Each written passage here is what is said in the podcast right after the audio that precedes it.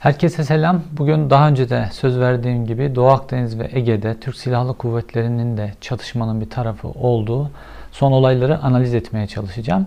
Türkiye hem Doğu Akdeniz'de hem Ege'de bütün her şeyi bir karıştırdı. Ortalığı böyle bir karıştırdı. Birçok ülkenin pozisyonlarını değiştirmek zorunda kaldığı bir e, sürece neden oldu. Fakat günün sonunda elimizde ne kaldı? Türkiye şu an sahada gerek silahlı kuvvetler gerek diplomasi açısından ne durumda? Ne kazandığı, ne kaybettiği, diğer ülkeler açısından durum ne? Bunların hepsini analiz edeceğim bir video olacak. Gerek Doğu Akdeniz'de gerek Ege'de. Şimdi bugün anlayabilmemiz için önce 50 yıllık Doğu Akdeniz'deki dengeyi anlamamız gerekiyor. Doğu Akdeniz'de Amerika Birleşik Devletleri'nin ve NATO'nun e, oturttuğu ve Rusları mümkün olduğunca oyunun dışında bırakan bir denge vardı. Bu şöyle işliyordu. İsrail ile Türkiye'nin ilişkileri iyiydi. Gerek güvenlik e, alanında gerekse de e, istihbarat paylaşımı alanında sağlam bir ilişkileri vardı. Amerika Birleşik Devletleri de bu duruşu destekliyordu. Bunun karşılığı olarak Amerika Birleşik Devletleri Kıbrıs'a ambargo uyguluyordu. Ege'de e, Yunanistan'ın karasularını 12 mile çıkarma tezine karşı çıkıyordu ve bir baskı oluşturuyordu. İngiltere ise Kıbrıs'ta kendi üstlerine, kendi konumuna e, kimse çok karışmadığı sürece bu Doğu Akdeniz'deki bu dengede sessiz bir rol oynuyordu. Diğer büyük aktör Mısır işte ordusu büyük aktörlerden birisi Mısır'dı. Mısır ise Türkiye ile Yunanistan arasında e, dengede tarafsız kalmaya çalışıyordu. Denge genel olarak bunun üzerine yürüyordu. Fakat Türkiye bütün bu dengeyi bozan e, hamleler yaptı son yıllarda. Bu hamlelerden birisi işte İsrail ile ilişkilerin tamamen bozulup tamamen kopartılması. İşte bu One Minute olayından sonra ve Türkiye'de iktidar da bunu siyaseten de sahiplendi. Siyaseten de İsrail'e karşı bir duruşu uzun süre tıpkı Arap ülkelerinde olduğu gibi kullandı ve bu ilişkilerin iyice kopması neden oldu. Bu işte bu denge ayağından birisinin kopmasına neden oldu. Sonra Mısır'da İhvan hareketini Türkiye çok e, destekledi ve sonrasında da Sisi yönetimiyle ilişkileri tamamen kopardı. Dolayısıyla Mısır'da artık bu denge unsurlarından birisi olmaktan çıktı ve Doğu Akdeniz'deki bütün denge değişti. Nasıl değişti? Yunanistan e, ordusu, donanması Türkiye kadar güçlü olmamasına rağmen oyunu masada oynamaya çalışıyor her zaman ve Yunanistan bu boşluğu iyi kullandı.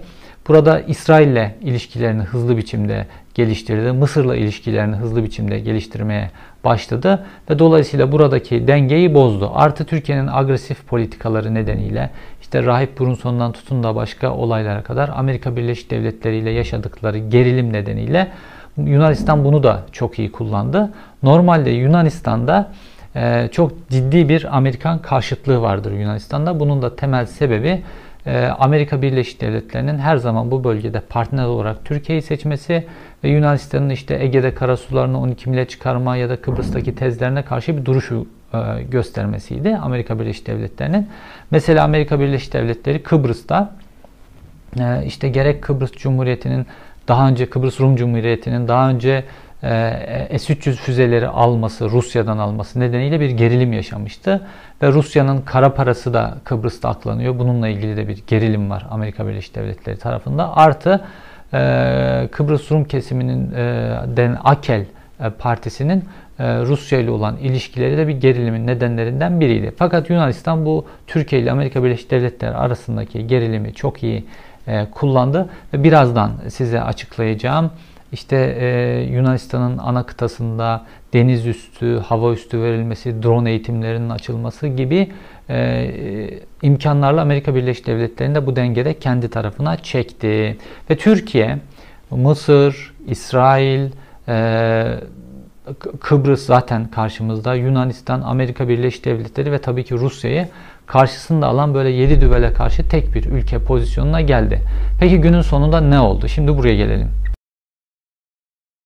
Türkiye'de herkes kendi oyununa çok odaklanıyor. Yani Türkiye'nin ne yaptığına çok odaklanıyor ama Türkiye'nin ne yaptığı kadar bizim dışımızda neler olduğunu da e, önemsemeliyiz. Çünkü bizim dışımızda da çok güçlü aktörler var bu bölgede. Bu aktörlerin hamlelerini bilmek, onların yaptıkları, onların şu an geldiği noktayı bilmek Doğu Akdeniz'deki gerçeği anlama açısından da son derece yararlı. Şimdi e, e, İsrail, e, Güney Kıbrıs ve Yunanistan'ın aynı pakta gelmesi, Mısır'ın da Türkiye ile yaşadığı gerilim nedeniyle buna yaklaşmasıyla birlikte e, burada çok ciddi bir blok oluştu ve Fransa'da Türkiye ile ayrıca gerilim yaşayan bir ülke. Fransa'da gerek donanmasını göndermesi gerekse de asker sevkiyatıyla oradaki dengeyi tamamen değiştirdi ve Libya'da da çok güçlü bir e, aktör olarak sahnede Fransa. Dolayısıyla Türkiye'nin yanına çekeceği partner çünkü bu uluslararası ilişkilerdeki bu gerilimlerde için içinde hele de askerler varsa ki yanınıza partner çekmeniz gerekiyor. Bu partnerlerden en güçlü olanlarından birisi olan Amerika Birleşik Devletleri de bu tarafta Yunanistan'a e, Yunanistan tarafına geçmiş oldu. Peki Yunanistan ne yaptı? Amerika Birleşik Devletleri ile önce e, geçmişten beri var olan güvenlik anlaşmasının süresini sınırsız olarak uzattı. Sonra Girit'teki limanı Amerika Birleşik Devletleri'nin o ünlü 6. filosunun e, kullanımı için uygun hale getirdi. Sonra Dede Ağaç'ta Amerika Birleşik Devletleri'ne bir liman, bir de hava üssü kullanım hakkı verdi.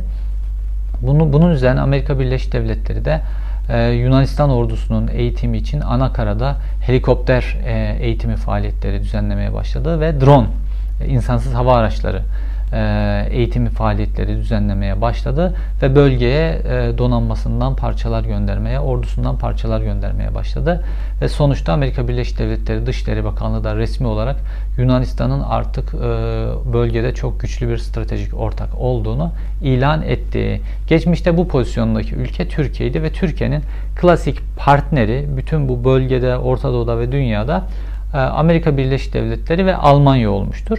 Almanya şu an sessizliğini koruyup olayı suhulet yoluyla çözmeye çalışsa da Türkiye Almanya'yı da önemli ölçüde kaybetti. E, peki bunun dışında ne oldu? E, Amerika Birleşik Devletleri e, Kıbrıs'ta da çeşitli askeri faaliyetlere başladı. Kıbrıs ordusuyla çeşitli askeri faaliyetlere başladı ve nihayetinde bunu Yunanistan donanmasıyla ortak tatbikata kadar vardırdı. Şimdi bu tatbikatlar çok önemli değil diyorsunuz ama bu tatbikatlar özellikle büyük ve yüksek teknoloji kullanan ordularla birlikte yaptığınız tatbikatlar sizin donanmanıza, ordunuza, silahlı kuvvetlerinize bütün parçasına önemli yetenekler kazandırır. Artı sizin bölgedeki caydırıcılığınız ve stratejik ortaklarınızı bütün dünyaya göstermesi açısından da önemlidir.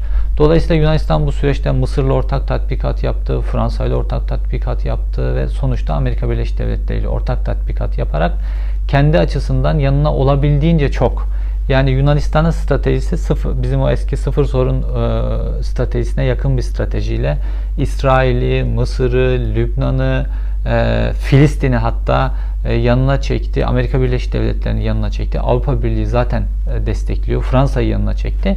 Buna karşınızda Türkiye geçmişte bu ortaklar e, nezdinde güçlü pozisyondayken bu ortaklarının hepsini tek tek kaybetti.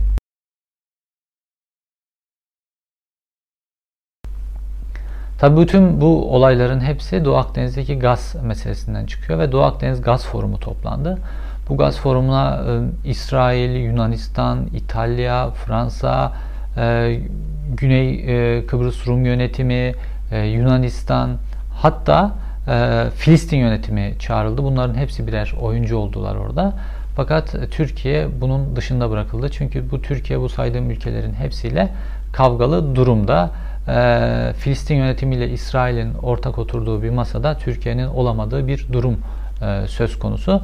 Tabi buna Libya'yı eklediğimizde Birleşik Arap Emirlikleri, Suudi Arabistan, e, Fransa vesaire ve Rusya da Türkiye'nin karşısında yer alıyor. Dolayısıyla Doğu Akdeniz cephesinde Türkiye ortak bir e, düşman pozisyonuna düşmüş oldu ve bütün diğer ülkelerin aslında kendi aralarında olan çatışmaları da Türkiye'nin yarattığı aşırı, aşırı gerilim kendi aralarında çözmelerine neden oldu ve e, neredeyse Türkiye yani kendi sıfır sorun politikasını diğerlerine göndermiş oldu ve Türkiye diğer ülkelerin bir bir bir kendi aralarındaki sorunların hepsinin çözülmesine neden oldu. Hatta mesela Mısır'la Yunanistan arasında imzalanan e, münhasır ekonomik bölge ile ilgili anlaşma normalde Mısır Türkiye ile bu sözleşmeyi imzalasa avantajlı durumda olacakken deniz alanı kaybetmesi pahasına Yunanistan'la imzaladı. İşte bu siyasi gerilim nedeniyle dolayısıyla ülkeler kendi çıkarlarını kaybetme pahasına olsun Türkiye'nin bu yükselttiği yüksek gerilim ve 50 yıllık dengeyi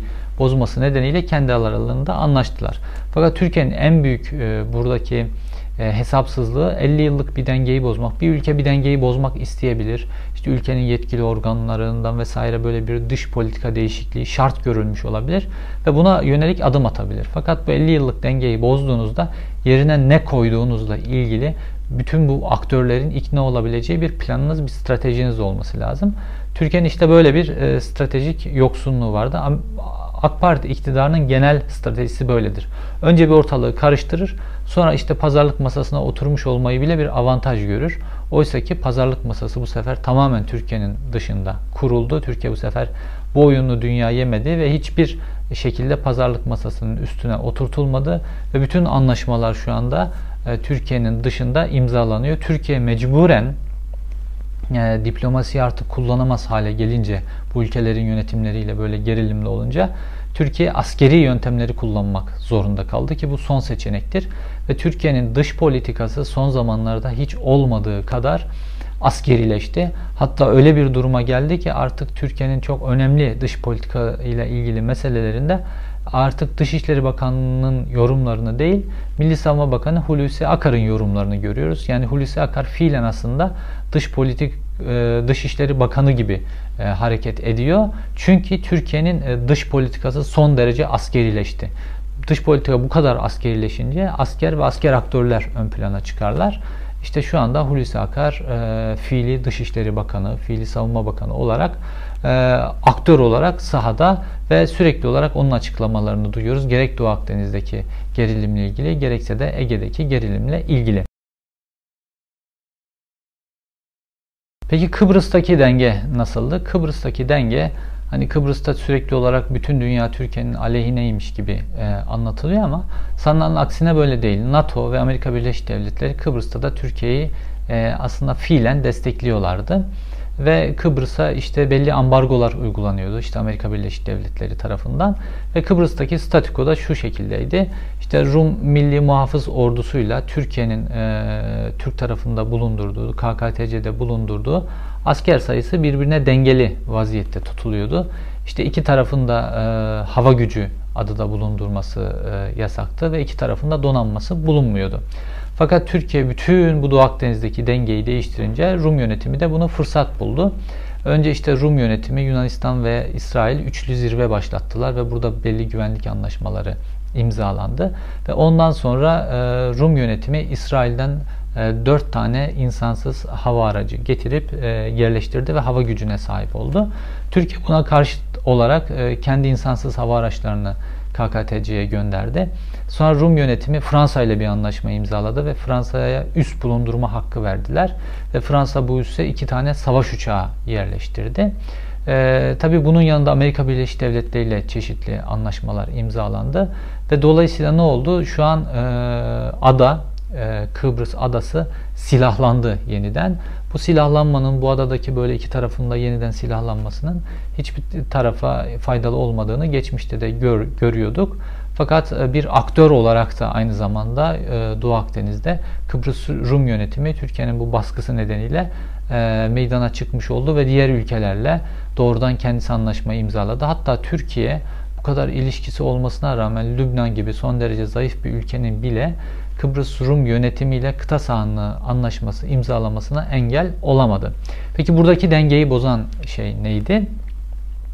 Ee, işte Türkiye'nin baskısının yanında Türkiye hiç de ihtiyacımız olmadığı halde e, KKTC ile e, münhasır ekonomik bölge anlaşması imzaladı. Deniz işte alanlarını belirleyen bir anlaşma imzaladı. Oysa Türkiye'nin KKTC ile zaten böyle hani deniz alanları ile ilgili bir sorunu yoktu. Buna rağmen hiç gereği yokken böyle bir anlaşma imzalandı.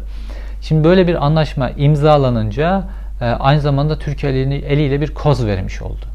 E, nedir bu koz? İşte adaların kendi başına münhasır ekonomik bölgeleri olabileceğine ilişkin bir koz.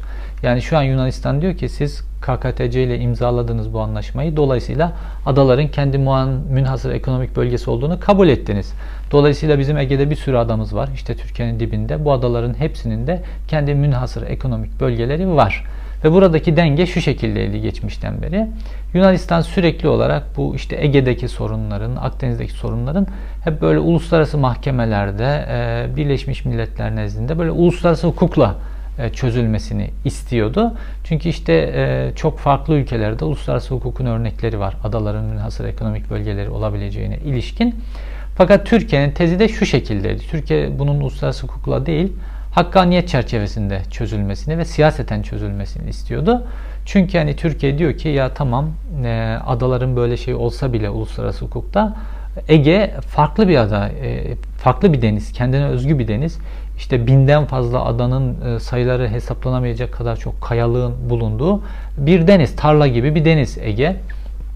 Dolayısıyla hani burada tamam e, sizin Türkiye sınırına çok yakın adalarınız olsa bile Türkiye'nin burada çok uzun bir kıyı şeridi var, ana karası var.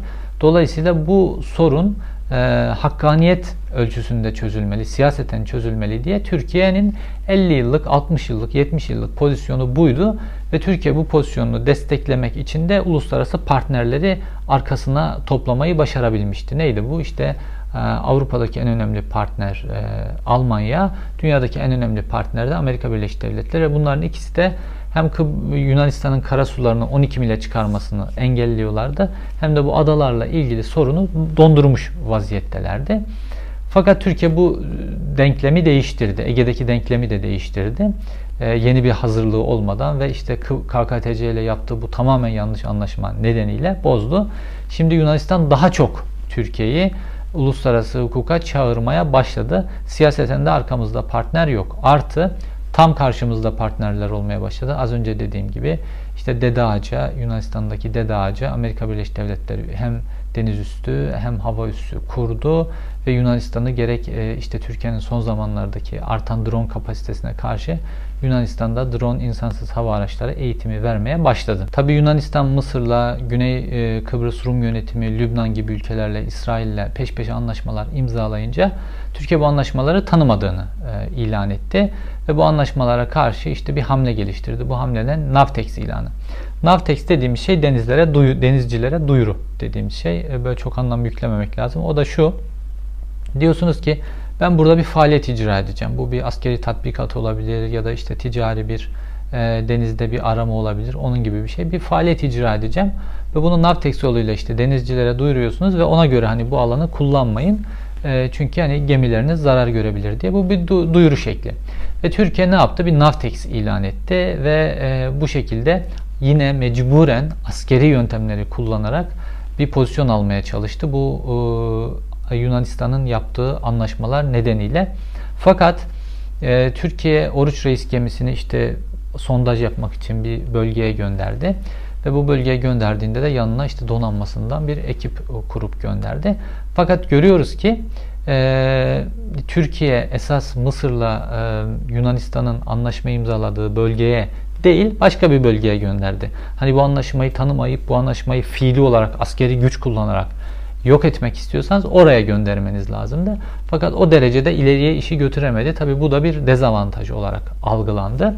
Bunun dışında hani Türkiye'nin Oruç Reis'i savunmak için gönderdiği donanmaya baktığımızda bu 5 e, geminin içerisinde hava e, savunma kabiliyeti olan hiçbir gemi olmadığını da görüyoruz. Bu da hani ben çok da tehdit oluşturmuyorum demek bir bakımdan da. Ve dolayısıyla Türkiye orada hani bir şey yapıyormuş gibi göründü ve sonra işte Merkel devreye girdi. Türkiye Navtex'i geri çekti. Bunun karşılığında da Merkel işte Türkiye'ye belli turist gelmesi için işte bu korona pandemi önlemlerini gevşetti. Birkaç bölgeye, Antalya vesaire birkaç bölgeye turist gelişine izin verdi ve işte e, Almanya'da yaşayan gurbetçiler oralara tatile gittiler. Yani Türkiye parayla bu Navtex ilanını geri çekmiş oldu. Mavi vatandan parayla vazgeçmiş gibi bir şey oldu. Sonra ee, tekrar Türkiye bir Navtex ilan etti ama dediğim gibi yine tamamen söz konusu işte gaz olan e, başka ülkelerin gaz bulduğu ve başka ülkelerin üzerine anlaştığı alanlar değil başka bir taraftan Navtex ilan etti.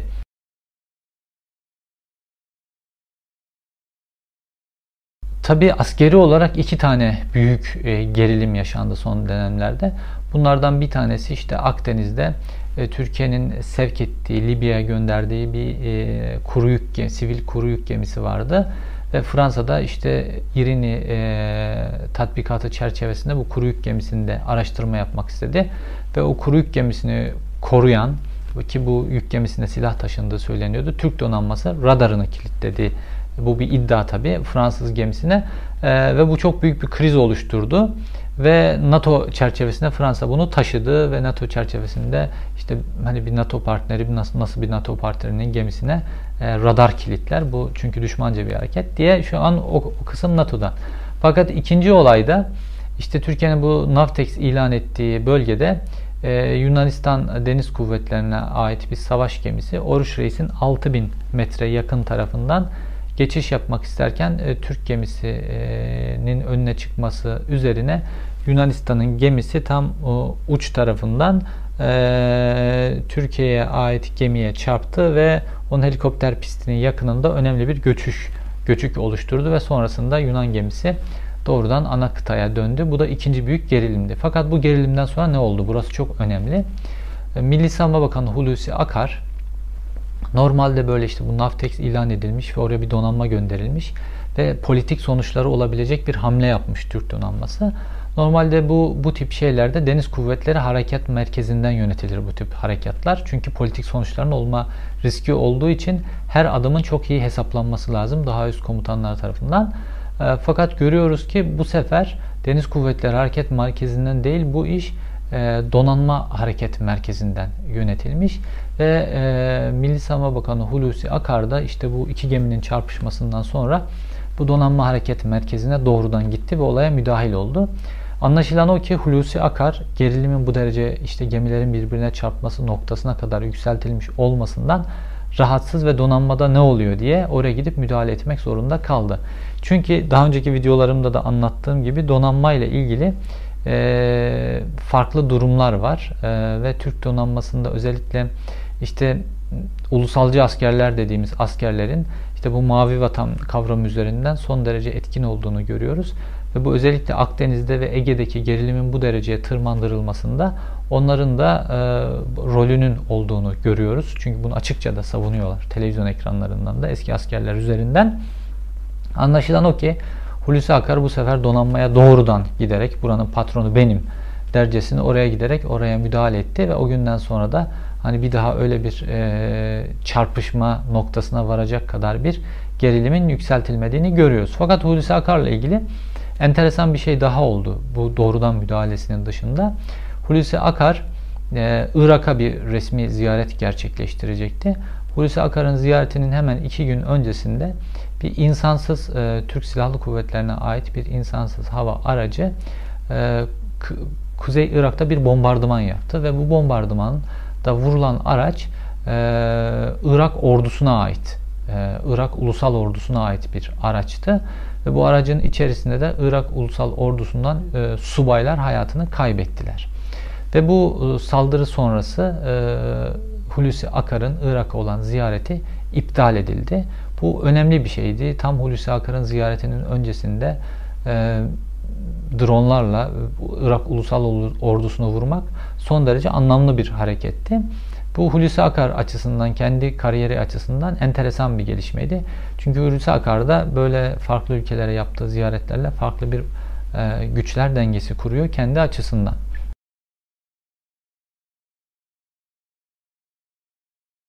Şimdi totalde baktığımızda Akdeniz, Doğu Akdeniz'de ve Ege'de olanlara totalde baktığımızda Türkiye buradaki 50 yıllık dengeleri yok etti. E, yerine yeni bir denge inşa e, edememiş gözüküyor. Ve en önemlisi de tüm bu iki noktada kendi tezlerini destekleyen uluslararası iki partner Almanya ve Amerika Birleşik Devletleri'ni burada siyaseten kaybetmiş gözük gözüküyor. Artı e, Yunanistan'ın bugüne kadar e, stratejik ortak olarak, NATO'da stratejik ortak olarak Amerika Birleşik Devletleri ile ilişkiye geçmek istedi. Fakat Türkiye daha güçlü ordusu, e, daha büyük toprakları ve daha büyük nüfusuyla hep Amerika Birleşik Devletleri'nin partneri ola gelmişti.